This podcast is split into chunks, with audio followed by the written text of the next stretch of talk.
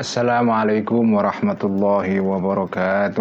Waalaikumsalam warahmatullahi wabarakatuh. Bismillahirrahmanirrahim. Alhamdulillahi rabbil alamin. Wassalatu wassalamu ala ashrafil anbiya'i wal mursalin sayyidina wa habibina wa maulana wa qurrati a'yunina Muhammadin wa ala alihi wa ashabihi wa man tabi'ahum bi ihsanin ila yaumiddin.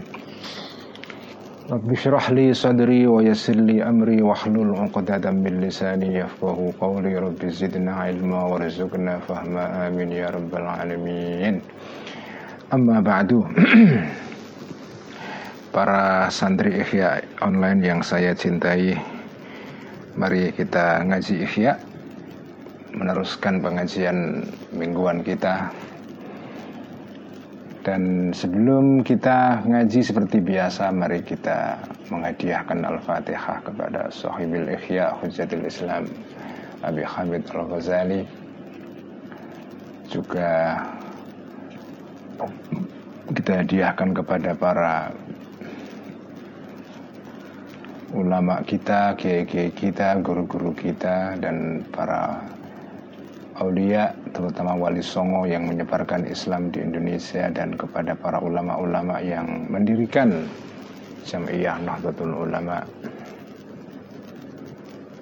Dan kepada para kiai-kiai yang mendirikan pesantren-pesantren di Indonesia dan juga kita hadiahkan kepada para orang-orang tua kita bapak-bapak kita, ibu-ibu kita semua, terutama kepada ayah saya Kiantullah Rifai, ibu saya Ibu Nyai Salamah dan Ibu Hajah Fatmah, dan juga kepada saudara-saudara kita, teman-teman kita yang sudah mendahului kita semua dan kita hadiahkan Al-Fatihah ini juga sebagai tawassul untuk kesembuhan kawan-kawan kita yang sedang sakit hari-hari ini terutama karena Covid لهم جميعا. الفاتحة. أعوذ بالله من الشيطان الرجيم. بسم الله الرحمن الرحيم. الحمد لله رب العالمين. الرحمن الرحيم. مالك يوم الدين. إياك نعبد وإياك نستعين.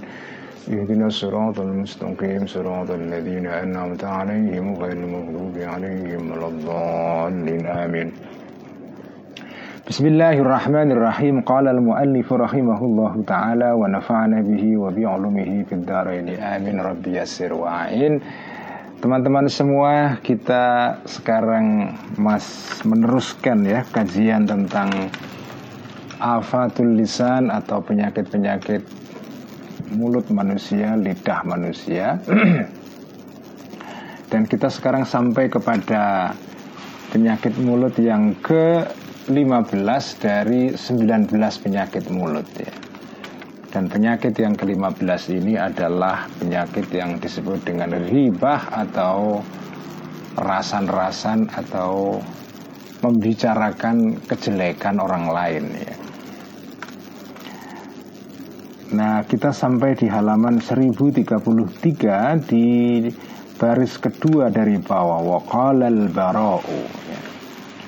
Waqala al-bara'u خطبنا رسول الله صلى الله عليه وسلم حتى أسمع العواتق في بيوتهن فقال يا معشر من آمن بلسانه ولم يؤمن بقلبه لا تغتابوا المسلمين ولا تتبعوا عوراتهم فإنه من تتبع عورة أخيه تتبع الله عورته ومن تتبع الله عورته يفضحه في جوف بيته.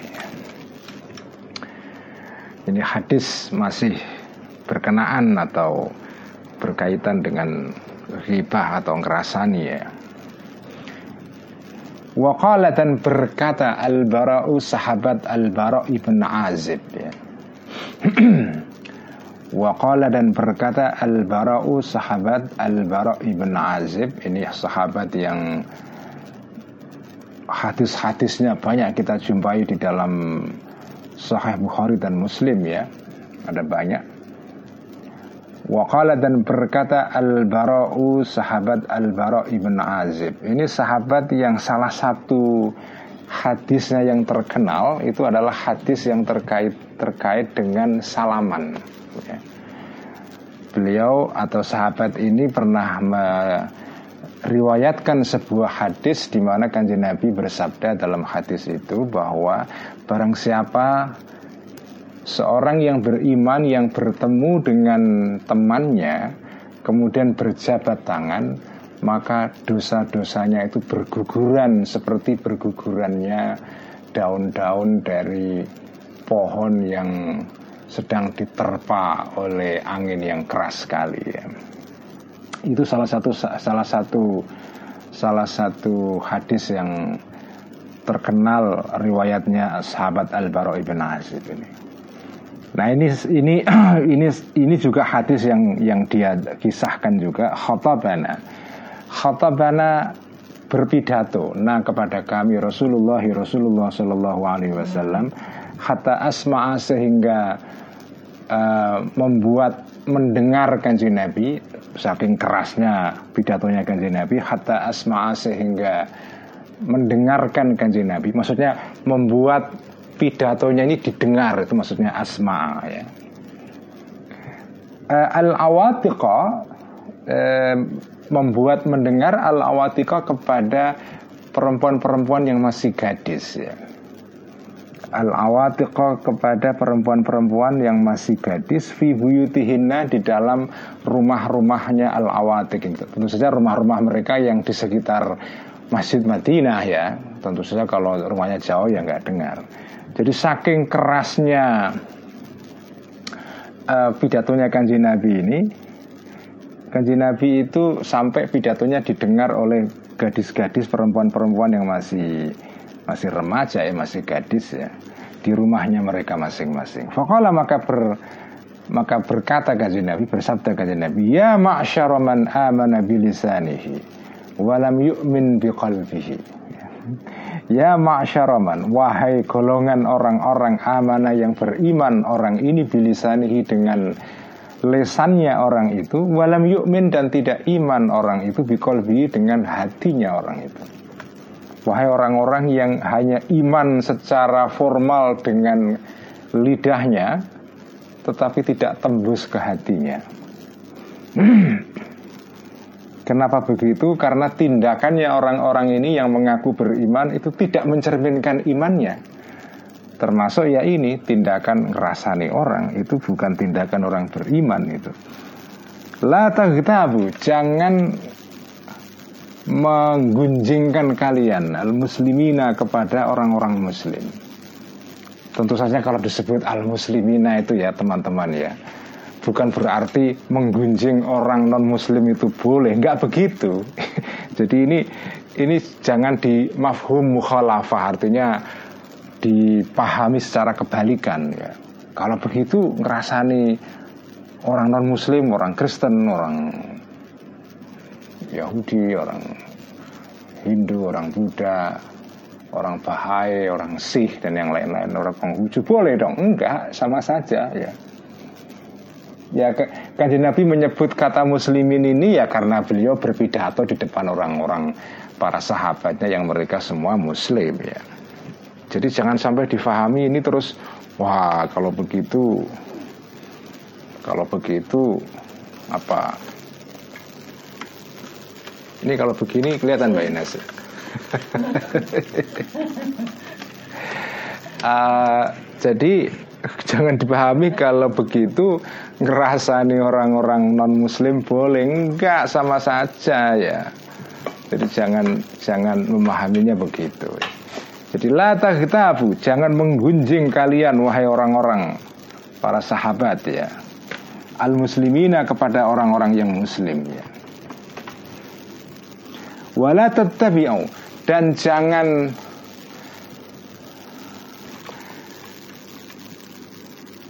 ini kata wala tattabi'u ini juga kemungkinan bisa juga dibaca wala bau ya. Kalau dibaca wala tetap bau jangan meneliti kalian atau wala tetap dan jangan mengikuti kalian auratihim kepada auratnya atau kepada cacat-cacatnya orang-orang muslim. Dan juga non muslim juga ya. Jangan meneliti, menginvestigasi, menggali-gali, ngorek-ngorek itu ya. Kesalahan-kesalahannya orang yang muslim atau non muslim. Fa'innahu karena sesungguhnya orang atau fa'innahu karena sesungguhnya keadaan berikut. Ini ini domir sya'an ya. Man barang siapa tatap ba'a yang uh, me, apa, me, meneliti orang ini aurat akhi terhadap kesalahan atau cacatnya saudaranya orang ini maka tetap maka akan meneliti menginvestigasi menggali-gali Allahu Allah. Tahu kepada kesalahan-kesalahannya orang ini kepada kesalahannya orang tersebut. Waman dan barang siapa tetap yang mengorek-ngorek Allahu Allah auratahu kepada auratnya orang ini kepada kesalahannya orang ini cacatnya orang tersebut maka yafdahu.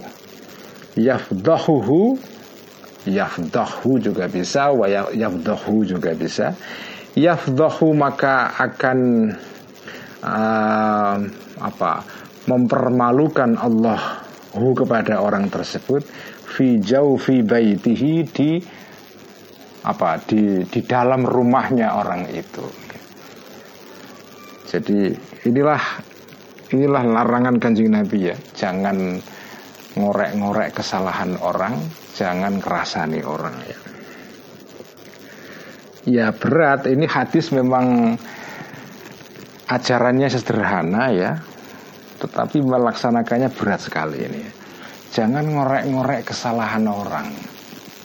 Itu gimana? sekarang ada di media sosial itu kan ada praktek namanya doxing nah, tahu kan doxing itu doxing itu ya menggali data-data pribadinya orang lain untuk disebarkan ke media sosial untuk mempermalukan orang itu. Ini ini ini ya Allah ini ajaran kanji Nabi yang yang akan relevan dalam setiap saat ya. Sederhana sekali ya. Kita dakwahkan mudah tetapi pelaksanaannya berat berat banget ini ya. Dan makin ke sini makin berat ya. Makin ke sini kita makin berat melaksanakan hadis-hadis seperti ini atau ajaran seperti ini. Ajaran akhlak ini ya. Wakila dan dikatakan atau dikisahkan ya. Auha memberikan wahyu atau memberitahu Allahu Allah ila Musa kepada Nabi Musa alaihissalam. Sebagai ajaran ya ajaran yang diwahyukan Allah kepada Nabi Musa itu salah satunya ini. Man mata ta'iban minal ghibati fahuwa akhiru man yadkhulul jannah. Man barang siapa mata yang mati orang ini ta'iban dalam keadaan tobat ya hal ya minal ghibati dari ngerasani orang. Orang yang tobat dari hibah Bagus karena dia tobat Tetapi orang yang tobat karena hibah ini Fahuwa maka orang seperti ini adalah Nanti di akhirat akhiruman. Termasuk orang yang paling terakhir ya dahulu yang masuk orang ini al jannata surga. Artinya Apa? Dia list masuk surganya itu paling akhir itu. Ya tetap masuk surga cuma golongan yang paling akhir Sebaliknya waman barang siapa mata yang mati orang ini musiran dalam keadaan terus menerus me melanggengkan alaiha terhadap riba tidak pernah meninggalkan. Jadi keranjingan dan uh, apa addicted ya uh, apa itu uh, keranjingan terhadap hibah maka fahuwa maka orang ini awaluman termasuk orang ya dahulu yang akan masuk orang ini annara pertamanya pertama-tamanya orang ya dahulu yang masuk orang ini annara kepada neraka jadi kalau tobat masuk surganya paling akhir kalau nggak tobat dan terus menerus melanggengkan tindakan hibah dia masuk nerakanya paling awal. Wakala dan ini menunjukkan betapa hibah itu yang kelihatannya sepele itu ya. Itu sebetulnya ancaman dosanya itu besar sekali. Dan sebetulnya hibah itu kalau dipikir-pikir ya teman-teman ya itu kan ya sebetulnya sih nggak ada nggak ada dampak yang membuat seseorang yang dihibahi itu celaka? Nggak ada. Beda kalau misalnya kita ngeplak orang mukul orang atau membunuh orang mencuri hartanya orang itu ya itu akan melukai orang bersangkutan. Kalau hibah itu sebetulnya sih nggak nggak menyakiti orang bersangkutan. Tentu saja kalau dia dengar sampai rasan-rasan ya sakit hati juga. Tetapi kalau dia tidak tahu itu kan tidak menimbulkan efek apa-apa. Tetapi hibah itu hibah itu bahayanya itu besar sekali sebetulnya karena karena begitu kita hibah terutama hibah itu kan biasanya ngerasani kejelekan orang ya. Begitu kita ngerasani kejelekan orang dan kita menikmati itu dan berkepanjangan sampai wow, digali-gali terus ya. Itu ya pertama kamu menyebarkan aib orang kepada orang lain ya. Itu sudah pasti ya bahaya karena ketika aib itu kita sebarkan orang yang semula itu apa ya teman kita sendiri atau orang yang kita hormati begitu aibnya kamu sebarkan itu kemudian harga diri orang itu menjadi jatuh di depan masyarakat. Jadi kamu kamu seperti membunuh orang itu membunuh harga dirinya. Makanya dalam hadis atau ya dalam hadis sebelumnya dikatakan bahwa membunuh dan apa ya me, mengganggu harga diri orang lain itu setara itu sebetulnya. Hibah itu sebetulnya ya sama dengan membunuh, cuma bedanya kalau membunuh nyawa itu menghilangkan nyawa tetapi kalau hibah itu ya membunuh harga diri orang itu. Ya. Kita bisa kehilangan respect kepada orang yang kita hormati karena kamu sebar-sebarkan aibnya. Sehingga ya macam-macam akibatnya bisa berkepanjangan itu bisa juga menimbulkan ketegangan sosial, bisa menimbulkan retaknya hubungan-hubungan persahabatan, bisa meretakkan hubungan kekeluargaan, pertemanan, pertetanggaan dan seterusnya. Dan dengan kata lain, masyarakat itu retak kalau mereka apa ya eh, kecanduan hibah itu. Kalau mereka kecanduan hibah itu bisa membuat hubungan-hubungan sosial menjadi terganggu.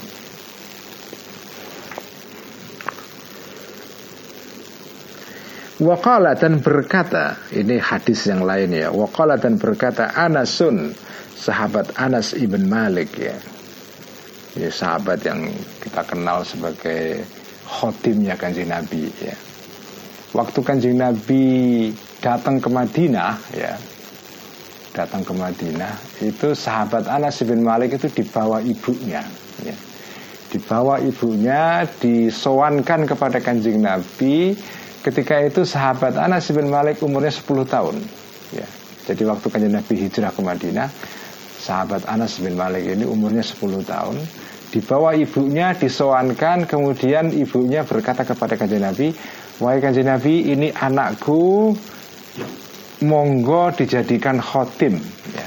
saya serahkan kepada kanjeng Nabi untuk menjadi pelayan jenengan kemudian kanjeng Nabi mengusap kepalanya sahabat Anas bin Malik ini sambil didoakan semoga umurmu panjang rezekimu berkah dan anakmu banyak ya. Dan memang betul sahabat Anas bin Malik ini termasuk sahabat yang umurnya panjang. Beliau ini meninggal dalam umur 103 tahun. Ya. ya berkat doanya kanjeng Nabi ini didoakan umur kamu panjang anak kamu banyak rezekimu banyak. Ya. anak beliau juga banyak. Keturunan sahabat itu banyak sekali anak-anaknya ya. Banyak sekali. Meskipun sebagian besar putra-putranya ini agak tragis karena meninggal dalam peperangan karena ikut perang ya. Kemudian juga meninggal dalam masa pandemi jadi pernah terjadi pagebluk di kota Basrah dan sejumlah anak-anaknya sahabat Anas bin Malik ini meninggal karena karena pandemi ketika itu. Beliau meninggal dalam dalam umur 103 tahun di kota Basrah ya. Dan termasuk sahabat terakhir di kota Basrah yang wafat. Ya. Ini sahabat Anas bin Malik ini. Ini sahabat yang yang hadisnya bertebaran banyak sekali di kitab-kitab hadis ya. Karena ya tentu saja hadisnya sahabat Asmaul ini banyak sekali karena beliau ini khotimnya kanjeng Nabi. Melayani kanjeng Nabi di rumah kanjeng Nabi itu eh, sampai 10 tahun. 10 tahun ya jadi waktu kanjeng Nabi meninggal, beliau ini umurnya sahabat ini 20 tahun, masih muda, ya, masih muda. Dan 10 tahun itu waktu yang panjang. Jadi makanya sahabat Anas bin Malik ini punya hadis riwayat yang banyak sekali dalam berbagai hal, dalam berbagai hal. Waqala dan berkata Anasun sahabat Anas bin Malik Amaro apa kata sahabat Anas? Katanya ini Amar memerintahkan Rasulullah Rasulullah Shallallahu Alaihi Wasallam anasa kepada orang-orang ya bisaumi yaumin untuk puasa pada suatu hari ya. atau bisaumi yaumin untuk eh, berpuasa satu hari ya. Fokala maka berkata kanjeng Nabi la yuftironna jangan moka kalian Moka itu bahasa pesantren ya artinya jangan membatalkan uh, apa itu uh, puasa kalian ya.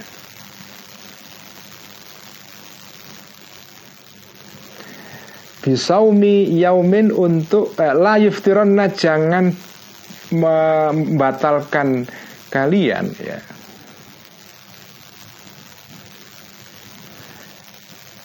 La yuftironna jangan membatalkan ahadun salah satu dari kalian hatta adana sehingga membolehkan mengizinkan aku lahu bagi orang ini ya. Maka berpuasalah annasu orang-orang hatta idza amsau sehingga ketika apa itu e, masuk waktu sore orang-orang ini ja'ala maka maka apa itu maka bertindaklah atau ya rojulu seorang laki-laki ya jiu datang. Tiba-tiba ada seorang laki-laki datang sowan kepada kanjeng Nabi fayakulu maka berkata seorang laki-laki ini ya Rasulullah wahai Rasulullah ya Zaliltu sa'iman Atau zalaltu sa'iman ya. Zalla ya zallu ya. Uh, Zalaltu um, menjadi aku so iman berpuasa aku fa'zan maka izinkanlah engkau li bagiku li, li uftira untuk membatalkan puasa aku. Artinya untuk tidak puasa maksudnya. Fayadzanu maka mengizinkan kanjeng Nabi lahu bagi laki-laki ini untuk tidak berpuasa. Warrajulu warrajulu dan laki-laki dan laki-laki. Artinya beberapa orang itu minta izin kepada kanjeng Nabi untuk diizinkan tidak puasa ya tapi ini bukan puasa wajib, ini puasa sunnah ini ya. Jadi seorang demi seorang minta izin untuk e, datang untuk minta izin supaya, supaya diizinkan tidak berpuasa. Hatta jaa sehingga datanglah seorang rajulun seorang laki-laki faqala maka berkata seorang laki-laki ini ya Rasulullah wahai Rasulullah melapor maksudnya ya. Fatatani min ahlika dhallata saimataini uh, fatatani dua orang perempuan muda wahai Rasulullah min ahlika dari ahlimu artinya dari suku Quraisy ya Zallata menjadilah kedua orang perempuan muda ini soimata ini puasa keduanya. Ada dua ini kan Nabi ada dua remaja putri berpuasa. Wa innahuma dan sesungguhnya kedua remaja putri ini yastahyani ya. yastahyani malu kedua remaja putri ini. An untuk kedatang keduanya ka kepada engkau. Untuk izin juga minta nggak puasa tapi malu mereka ini. Fa'zan maka izinkan lahuma maka izinkanlah engkau kanji Nabi lahuma bagi kedua perempuan ini an yuftira untuk tidak berpuasa keduanya ketika kanji Nabi dimintai izin seperti ini farodo maka mengo menoleh kanji Nabi artinya tidak melayani apa perkataan laki-laki itu Farodo maka menoleh kanji Nabi anhu e, meninggalkan laki-laki tadi itu Shallallahu Alaihi Wasallam ya. sepertinya kanji Nabi nggak apa ya nggak nggak memperhatikan atau sengaja tidak mempedulikan uh, omongan laki-laki ini. Sumawat ya kemudian kembali minta izin maksudnya laki-laki ini hu kepada kanji Nabi ya.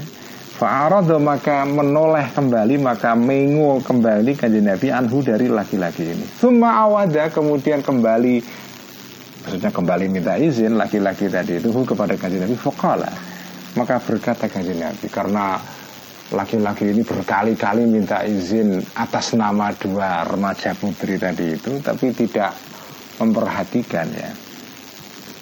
Kanjeng Nabi kemudian akhirnya mungkin agak jengkel ya Kepada laki-laki yang ngotot minta izin tadi itu. Fakala maka berkata kepada Nabi Innahuma. Sesungguhnya dua remaja putri tadi itu Laniasuma tidak berpuasa sebetulnya keduanya Memang kelihatannya puasa Tapi sebetulnya tidak puasa. Kenapa begitu? Wa kaifa dan bagaimana yasumu?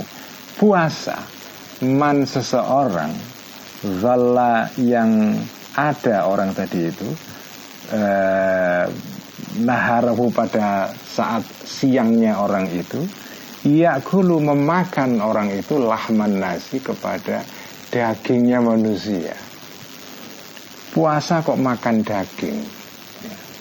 Puasa itu kan mestinya ya nggak makan nggak makan. Ini puasa makan daging orang artinya ngerasani orang itu kan seperti disebutkan dalam surat al-hujurat kemarin ya.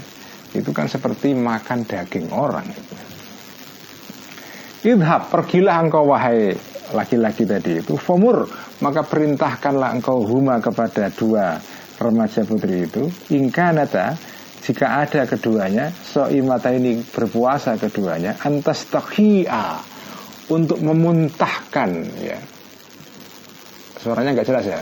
Iya,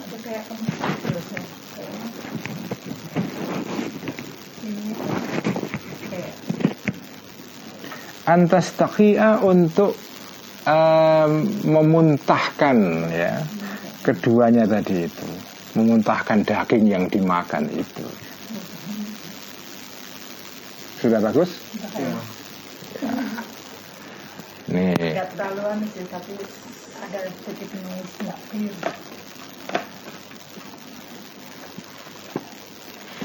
nanti minggu depan pakai admin apa HP-nya Mbak Admin ini.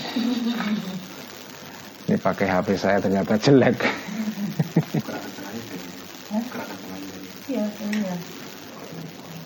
Sudah bagus? Eh, masih kemeresek ya?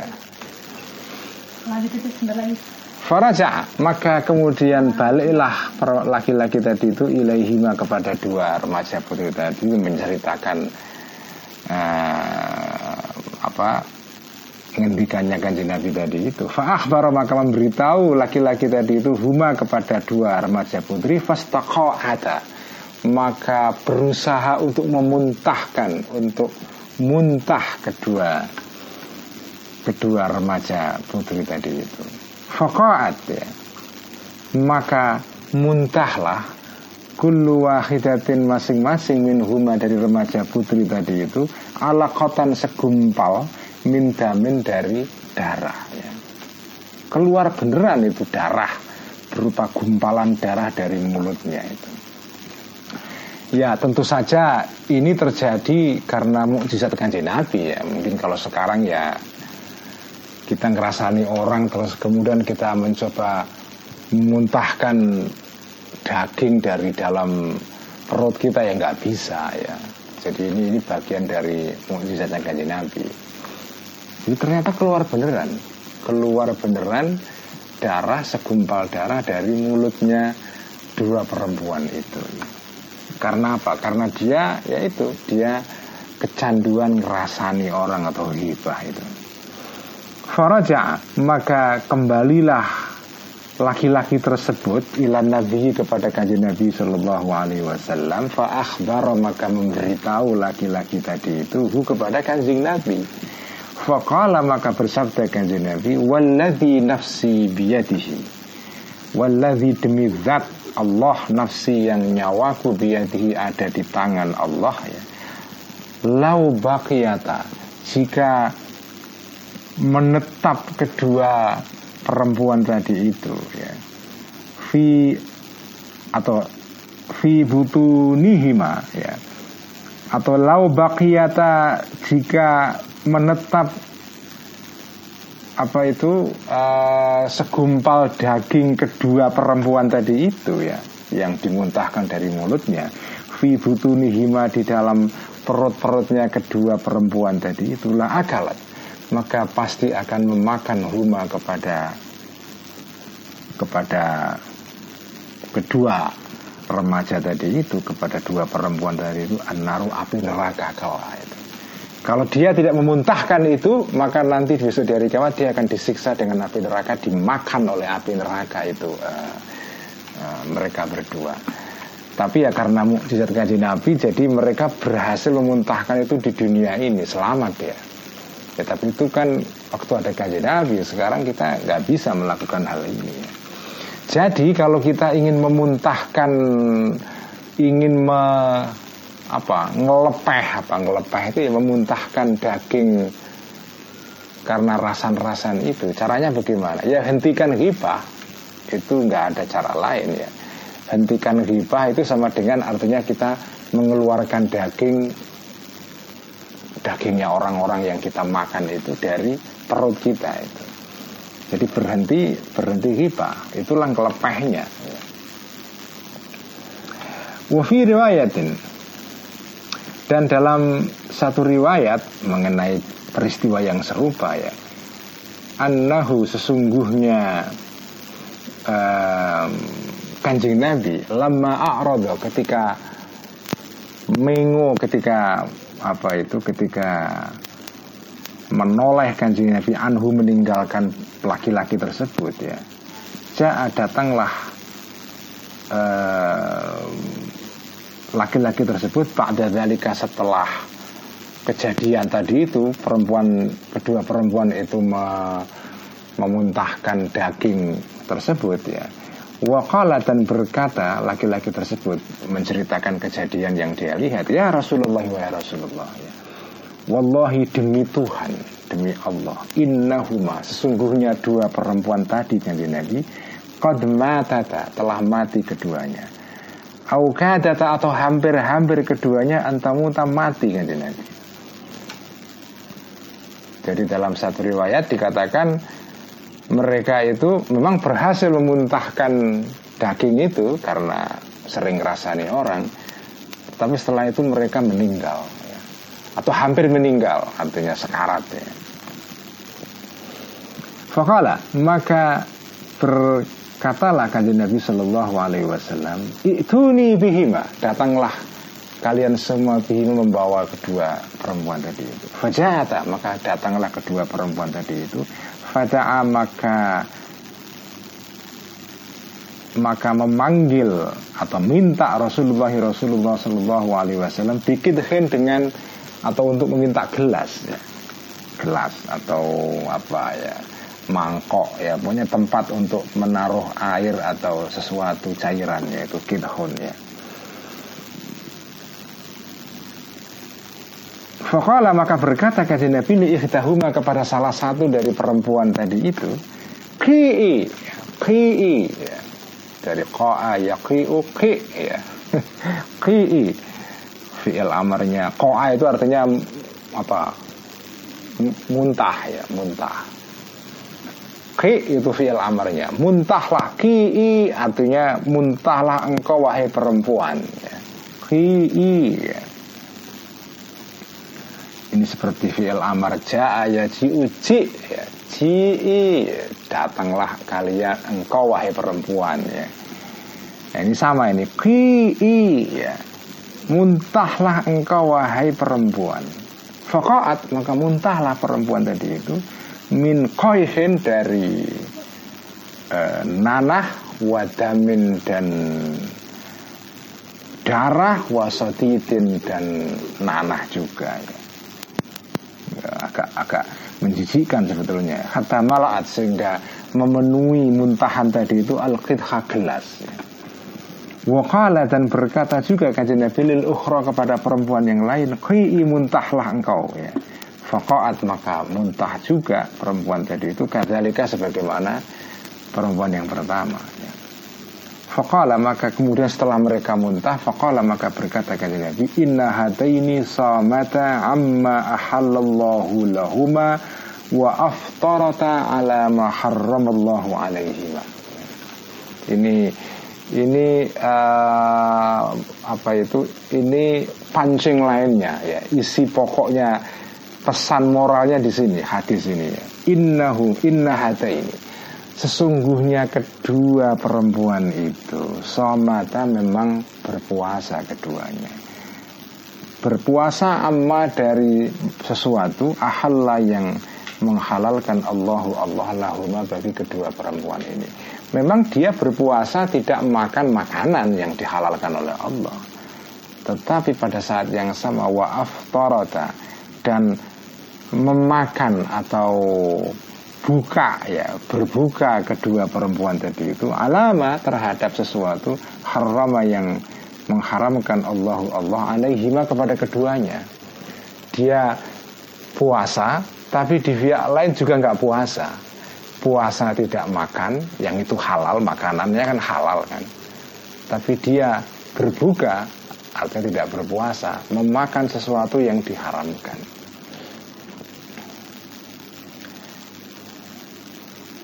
Jalasat duduk ikhdahuma salah satu dari dua perempuan tadi itu ilal ukhra kepada yang lain. Maksudnya nongkrong ya. Faja'alata maka terjadilah atau keduanya tadi itu tak kulani memakan keduanya luhuman nasi daging-dagingnya orang lain. Ya ini semua sebetulnya menandakan betapa ngerasani itu walaupun kelihatannya sepele sebetulnya itu sesuatu yang dosanya itu serius ya. Dosanya serius ya. Jadi intinya ya nggak main-main lah yang ngerasani itu sebetulnya nggak nggak sepele itu ya. Kerasan itu nggak sepele ya. Sangat sangat berbahaya Wakala dan berkata Anasun sahabat Anas bin Malik ya Wakala dan berkata Anasun sahabat Anas ibn Malik. Ini ada sahabat namanya Anas ibn Malik ya. Kemudian ada pendiri madhab namanya Malik ibn Anas. Ya, Madhab Maliki itu kan pendirinya Malik ibn Anas. Tapi itu nggak ada kaitan ya. Jadi sahabat namanya Anas ibn Malik itu khotimnya kanji Nabi. Kemudian ada madhab Maliki pendirinya adalah Malik ibn Anas. Seolah-olah dibalik-balik kan, Anas ibn Malik itu sahabat. Kalau Malik bin Anas ini adalah pendiri mazhab Maliki, tapi keduanya tidak ada saling kaitan ya, tidak ada hubungan nasab sama sekali. Ya. Meskipun dua-duanya di Madinah, ya sahabat Anas bin Malik ini juga apa sahabat yang asli penduduk Madinah, salah satu dari anggota suku besar Madinah namanya suku Khazraj ya. Suku Khazraj. Kita tahu suku di Madinah itu ada dua suku besar. Ada Khazraj ada Aus ya. Aus dan Khazraj. Nah suku Khazraj ini suku di Madinah yang spesial kedudukannya. Kenapa? Karena ibunya kanjeng Nabi ya Siti Aminah itu sebetulnya uh, saudara-saudaranya itu dari suku salah satu eh, apa ya salah satu fam atau bagian dari suku besar namanya suku Khazraj namanya Bani Najjar ya Siti Aminah itu eh, dari Madinah ya dari Bani Najjar Bani Najjar itu salah satu anggota dari suku besar namanya Khazraj ya. Nah sahabat Anas bin Malik itu dari dari Bani Najjar ini, dari Bani Najjar ini. Makanya sahabat Anas bin Malik itu masih ada kalau diurut-urut ke atas ya itu masih ada hubungan kekerabatan dengan kanjeng Nabi dari dari via istri dari via ibunya kanjeng Nabi Siti Aminah ya. Jadi itulah. Jadi ini ada sahabat Anas bin Malik, ada imam madhab namanya Malik ibn Anas ya. Seolah-olah namanya persis tapi itu beda dan tidak ada kaitannya. Wakala dan berkata Anasun sahabat Anas Khataba berkhutbah nah kepada kami Rasulullah Rasulullah Sallallahu Alaihi Wasallam. Fadzakara maka menyebutkan kanjeng Nabi ar-riba terhadap riba. Wa'azzama dan menganggap besar, menganggap berbahaya sya'nahu urusan riba ini. Karena memang riba diharamkan dalam Islam ya. Dan riba itu perkara besar, perkara serius ya, wa'azzama sya'nahu. Fakala maka berkata sabda kanjeng Nabi dalam khutbahnya ini, Inna dirhama yusibuhur rajulu minar riba a'zamu indallahi fil khati'ati min sittin wa thalathina zanyatan. Uh, Inna dirhama Sesungguhnya dirham artinya uang ya Yusibu mendapatkan hu kepada dirham ar-rajulu seorang laki-laki juga seorang perempuan juga. Ini laki perempuan sebenarnya sama ya. Minar riba berupa riba ya. ada orang dapat uang dari riba ya. A'zamu khobarnya inna itu lebih besar dosanya. Indallahi mungguh Gusti Allah menurut Allah maksudnya Mungguh itu makna pesantren itu. Indallah mungguh Gusti Allah. Artinya menurut Allah. Fil khati'ati di dalam hal dosanya. Min sittin wa thalathina dari 36 zanyatan zina. Dosa riba itu lebih besar daripada 36 zina. Yazni yang berzina ha kepada zaniyah tadi itu Ar-rajulu seorang laki-laki Sementara itu wa arbar riba dan seriba-ribanya riba, riba yang paling riba itu adalah irdul muslimi, harga diri seorang muslim. Jadi riba yang paling riba, ya, wa arbar riba, riba yang paling paling tinggi tingkatannya itu adalah apa sampean mengganggu harga diri orang lain dengan cara sampean ngerasani. Jadi ngerasani itu sebetulnya sama dengan sampean mengutip riba, mengutip apa uh, apa ya, in, mengutip um, dalam bahasa Inggris itu ada dua istilah, ada interest, ada usury. Itu beda. Interest itu bunga.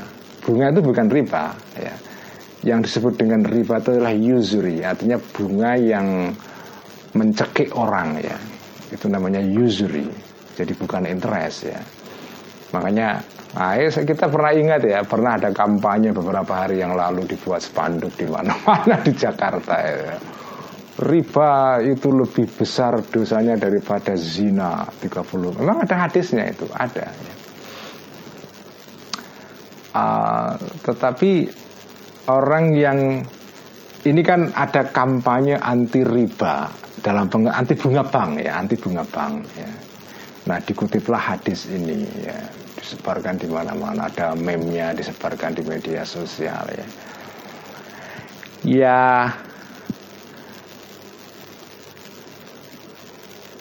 hadis ini itu tidak bisa dijadikan alasan sebagai alat kampanye untuk menentang bunga bank. Karena status bunga bank sebagai riba itu diperselisihkan oleh para ulama. Ya. Riba itu memang haram menurut menurut ajaran Islam ya. Tapi pertanyaannya riba itu apa? Apakah bunga bank itu riba atau tidak? Ya. Apakah riba itu maknanya adalah apa? Ya, jenis ya apa karena bunga itu kan macam-macam ya. Sampean mengutip bunga ketika meng, meminjamkan uang kepada orang lain ya. Tetapi bunga yang sampean kutip itu tidak masuk akal. Artinya mencekik orang itu yang dalam bahasa kita itu disebut sebagai lintah darat itu ya. Lintah darat apakah bunga itu itu ya apakah riba itu itu atau riba itu ya semua jenis bunga itu walaupun bunga yang apa ya yang ya bunga yang yang masuk akal karena bunga yang dihitung berdasarkan kaidah yang yang jelas ya. Misalnya ya bunga itu kan sebetulnya tidak bisa diterapkan apa di di di apa ya? Sampai mengutip bunga seenaknya kan nggak bisa. Di Indonesia itu kan ada patokannya ya. Bank Indonesia itu menetapkan yang disebut dengan suku bunga acuan ya. Sekarang ini di Indonesia suku bunga acuan itu ya rendah sebetulnya cuma tiga setengah persen ya. Tiga setengah persen uh, per tahun ya. Apakah apakah bunga bank itu masuk riba atau tidak? Itu diperselisihkan ya. Jadi kalau sampai menjadikan hadis ini sebagai dalil untuk kampanye anti bunga itu nggak bisa ya. Karena pengertian riba itu sendiri diperselisihkan apakah bunga bank modern itu masuk riba atau tidak ya. Ada ulama yang mengatakan itu tidak riba ya. Ada yang mengatakan itu riba ya. Jadi beda pendapat itu dan saya kira ya bunga bank dalam pengertian bunga bank pada umumnya sekarang ini ya itu ya ya kalau menurut saya itu bukan bukan riba itu. Karena kalau kita telaah praktek riba pada zaman kanjeng Nabi dulu riba itu ya ya lintah darat itu pada dasarnya. Bunga yang sengaja di apa ya diterapkan begitu rupa sehingga mencekik orang yang berhutang kepada kepada kamu itu ya. Ya itu lintah darat itu. Nah dalam konteks modern kan bunga itu tidak begitu. Bunga itu kan tidak bisa ditetapkan secara seenaknya oleh orang yang menghutangkan uang itu kepada orang lain. Karena ada ada otoritas yang diserai negara untuk menetapkan standar bunga itu ada ya. Jadi artinya bunga itu tidak seperti praktek pada zaman kanjeng Nabi yang seenaknya orang pokoknya utang kamu boleh utang kepada saya tapi kamu harus bayar sekian. nggak ada patokannya itu, seenaknya aja. Ya. Dan kadang-kadang ya betul-betul mencekik orang bisa bisa 100% bunganya itu bisa 100% itu. Nah, itu yang itu yang dilarang dalam kalau kita merujuk kepada praktek bunga pada zaman kanjeng Nabi dulu ya seperti itu sebetulnya. Nah kalau seperti itu ya sekarang pun nggak boleh, pemerintah juga nggak akan mengizinkan. Makanya kalau ada ada lembaga keuangan yang didirikan oleh masyarakat tanpa ada izin dari negara dari OJK kan kan ada namanya lembaga namanya OJK ya otoritas jasa keuangan inilah yang bertugas diserai negara untuk memberikan izin. Sampai ini berhak nggak mendirikan bank itu? Ada syaratnya ya. dan ada patokan-patokannya ketika sampean itu menetapkan bunga. Nggak bisa seenaknya saja. Dan dan bunga itu dibuat patokannya oleh negara. Berubah-ubah dari waktu ke waktu. Ya tergantung tingkat tingkat inflasi pada suatu waktu. Kan bunga itu kan ada patokannya itu. Bunga itu mempertimbangkan inflasi. Ya, karena uang itu kan nilainya nilainya kan tidak tidak menetap ya. Sesuai dengan inflasi. Begitu inflasinya tinggi ya uang itu merosot nilainya cepat sekali ya. misalnya kalau sekarang di Indonesia itu kan ya inflasi itu sekitar satu setengah sampai dua persen per tahun ya Artinya setiap tahun nilai uang itu merosot sekian persen. Nah itu diperhitungkan itu nanti untuk menetapkan bunga itu. Jadi penetapan bunga itu nggak sembarangan. Ada kaidahnya. Dan berdasarkan apa ya? Jadi ada standar yang membuat sesuatu membuat bunga itu tidak sembarangan diterapkan oleh orang yang meminjamkan uang. Artinya ada kontrol sehingga faktor keadilan itu terjaga itu ya. Meskipun saya tadi siang nge-tweet beberapa di akun Twitter saya, ya saya mengatakan bahwa saya sendiri termasuk orang yang berpendapat bunga bank modern itu tidak termasuk riba. Beda sekali itu ya. Saya mengikuti pendapat ulama yang mengatakan bahwa bunga bank modern itu tidak bunga. Tetapi dengan mengatakan begitu bukan berarti bahwa seluruh praktek keuangan dalam perbankan modern itu harus kita amini semuanya. Karena ada juga praktek-praktek perbankan itu yang ya yang nakal juga yang harus dikritik gitu ya. Harus dikritik gitu. Atau praktek-praktek keuangan oleh lembaga-lembaga yang memberikan apa ya pendanaan untuk kredit mobil, rumah atau kredit konsumsi macam-macam. Kartu kredit itu misalnya macam-macam itu kan mereka menetapkan iuran per tahunnya sekian sekian sekian itu kadang-kadang kan konsumen itu tidak berdaya karena nggak punya nilai tawar kan. Jadi ada jadi saya memang mengatakan bunga bank modern itu bukan riba tetapi tidak berarti bahwa seluruh praktek keuangan di dalam lembaga keuangan modern itu harus kita sepakati semua. Enggak. Karena kalau tidak adil ya harus kita kritik, harus kita koreksi. Karena intinya sebetulnya kan larangan kepada riba itu adalah larangan terhadap eksploitasi sebetulnya. Jadi larangan terhadap eksploitasi. Tapi kalau mengutip bunga itu uh, apa ya? Sesuai dengan standar yang rasional ya tidak masalah ya.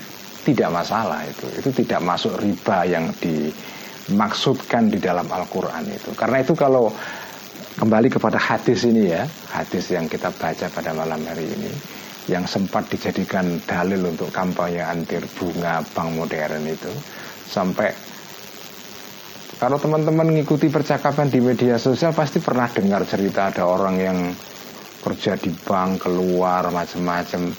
Ya, kalau jenengan merasa tidak nyaman dengan kerja di bank keluar monggo saja, itu tidak masalah. Tetapi kalau kalau uh, sampean mengatakan bahwa bunga bank itu adalah masuk riba dan haram. Ya tidak masalah kalau sama berpendapat begitu Tapi itu tidak satu-satunya pendapat. Ya Itu tidak satu-satunya pendapat. Ada banyak ulama yang berpendapat bahwa Bunga bank modern itu tidak termasuk riba. Bahkan keputusan Bahtul Masailnya NU sendiri itu di dalam hal bunga bank itu juga berbeda-beda. Ada tiga pendapat mengenai soal bunga bank ini. Jadi jadi um, jadi apa ya menjadikan hadis ini sebagai kampanye untuk anti bunga bank itu bagi saya tidak tepat. Karena masalahnya bukan riba itu haram atau tidak. Kalau riba jelas haram, tapi yang jadi masalah adalah apakah bunga bank itu masuk riba atau tidak. Nah di situ persoalannya. Ya. Jadi riba haram yes, tetapi apakah bunga bank sekarang ini masuk dalam riba? Nah, itu fihi khilafun. Ya, ada ada ada khilaf di situ. Tapi ini kita nggak sedang bahas fikih ini ya. Ini bahas soal soal ngerasani. Ngerasani itu seperti bunga bank. bahkan lebih bunga daripada bunga. Ya wa arbar riba irdul muslim sampean ngerasani orang itu sama dengan sampean itu lintah darat.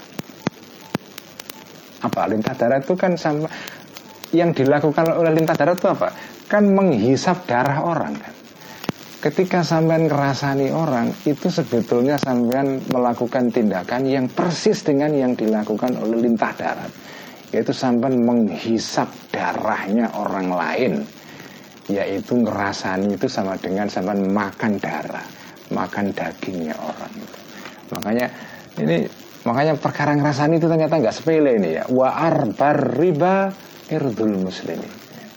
Riba yang paling riba itu bukan riba bunga yang paling bunga itu bukan bunga bank. Bunga yang paling bunga adalah menghisap darahnya orang lain dalam pengertian ngerasani orang lain.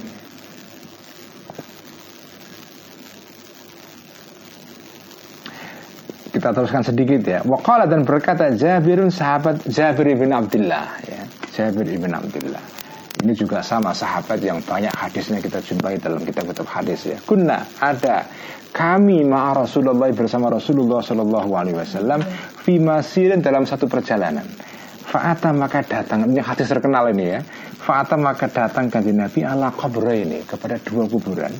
Yu'adzabu disiksa sahibahuma orang yang punya kuburan tadi itu keduanya. Faqala maka berkata kanji Nabi. Ada dua kuburan kanji Nabi ziarah ke situ. Lalu kanji Nabi uh, berkata mengomentari dua kuburan ini innahuma sesungguhnya kedua orang yang di kuburan itu yu'adzabani disiksa keduanya. Wama yu'adzabani dan tidak disiksa keduanya fi kabirin di dalam dosa besar. Enggak. Tetapi dosa yang sepele ya dosa kecil. Apa itu? Amma ahaduhuma. Adapun salah satu dari kedua orang yang di kuburan itu fakana maka ada yang kita ngerasani orang itu anasa kepada manusia lain wa amal akharu adapun yang lain fakana maka ada la yastanzihu tidak cebok secara apa ya secara benar ya tidak be, tidak tidak tidak membersihkan diri orang ini min baulihi dari dari kencingnya orang itu. Dia kencing sembrono tidak cepok dengan benar. Makanya perkara perkara kencing di dalam masyarakat santri itu jadi serius karena hadis ini ya. Jadi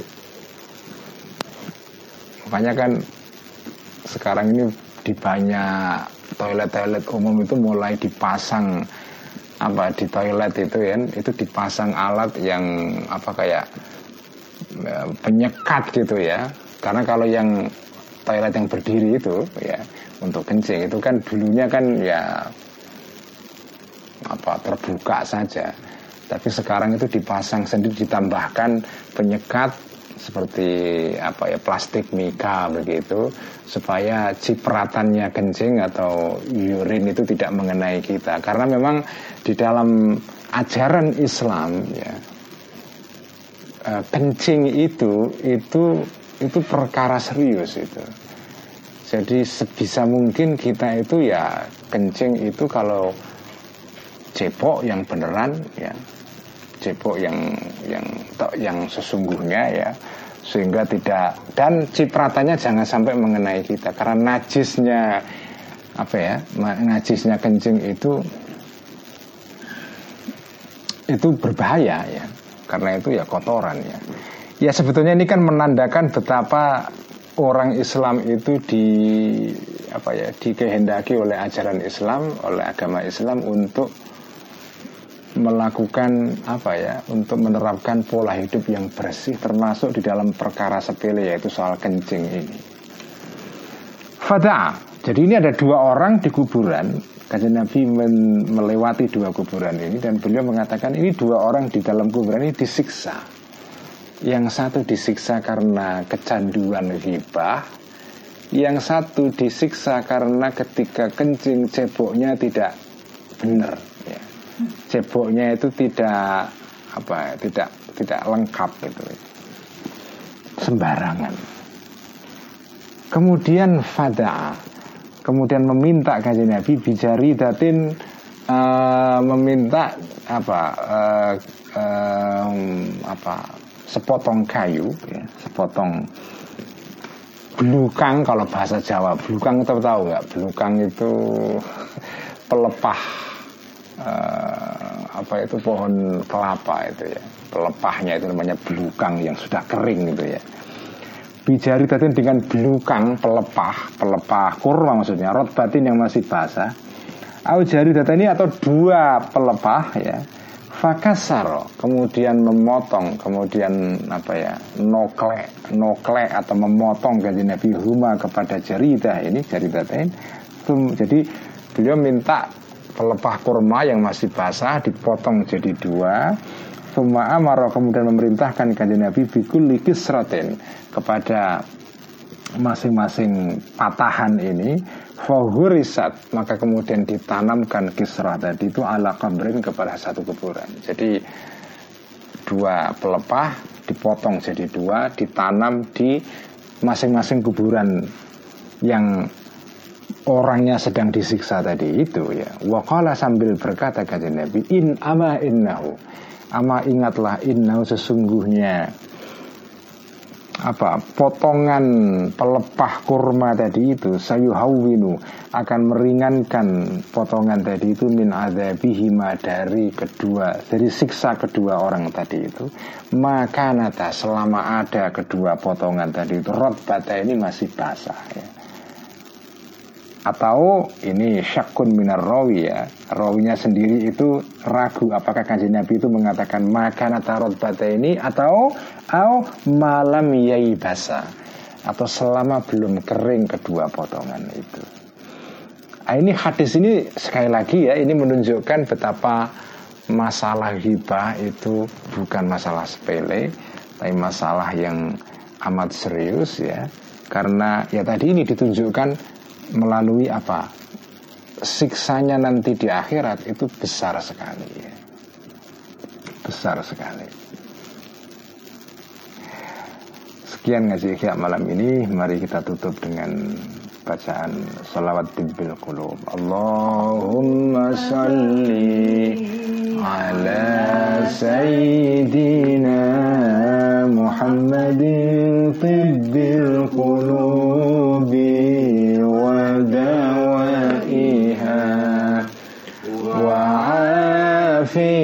عافية الأبدان وشفيها ونور الأبصار وضيائها.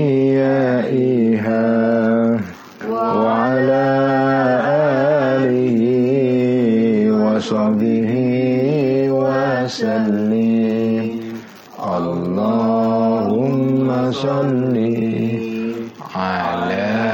سيدنا محمد طب القلوب ودوائها وعافية الأبدان وشفائها ونور الأبصار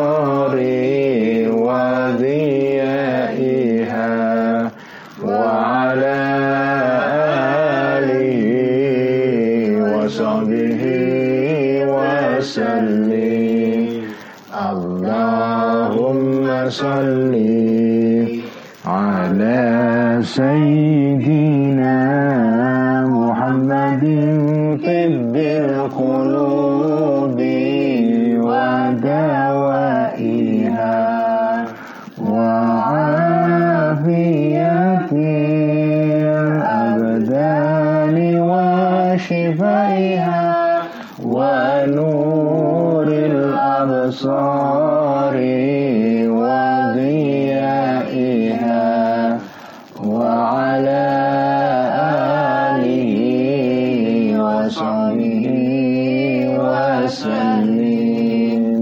الرحمن والسلام عليكم ورحمة الله وبركاته. وعليكم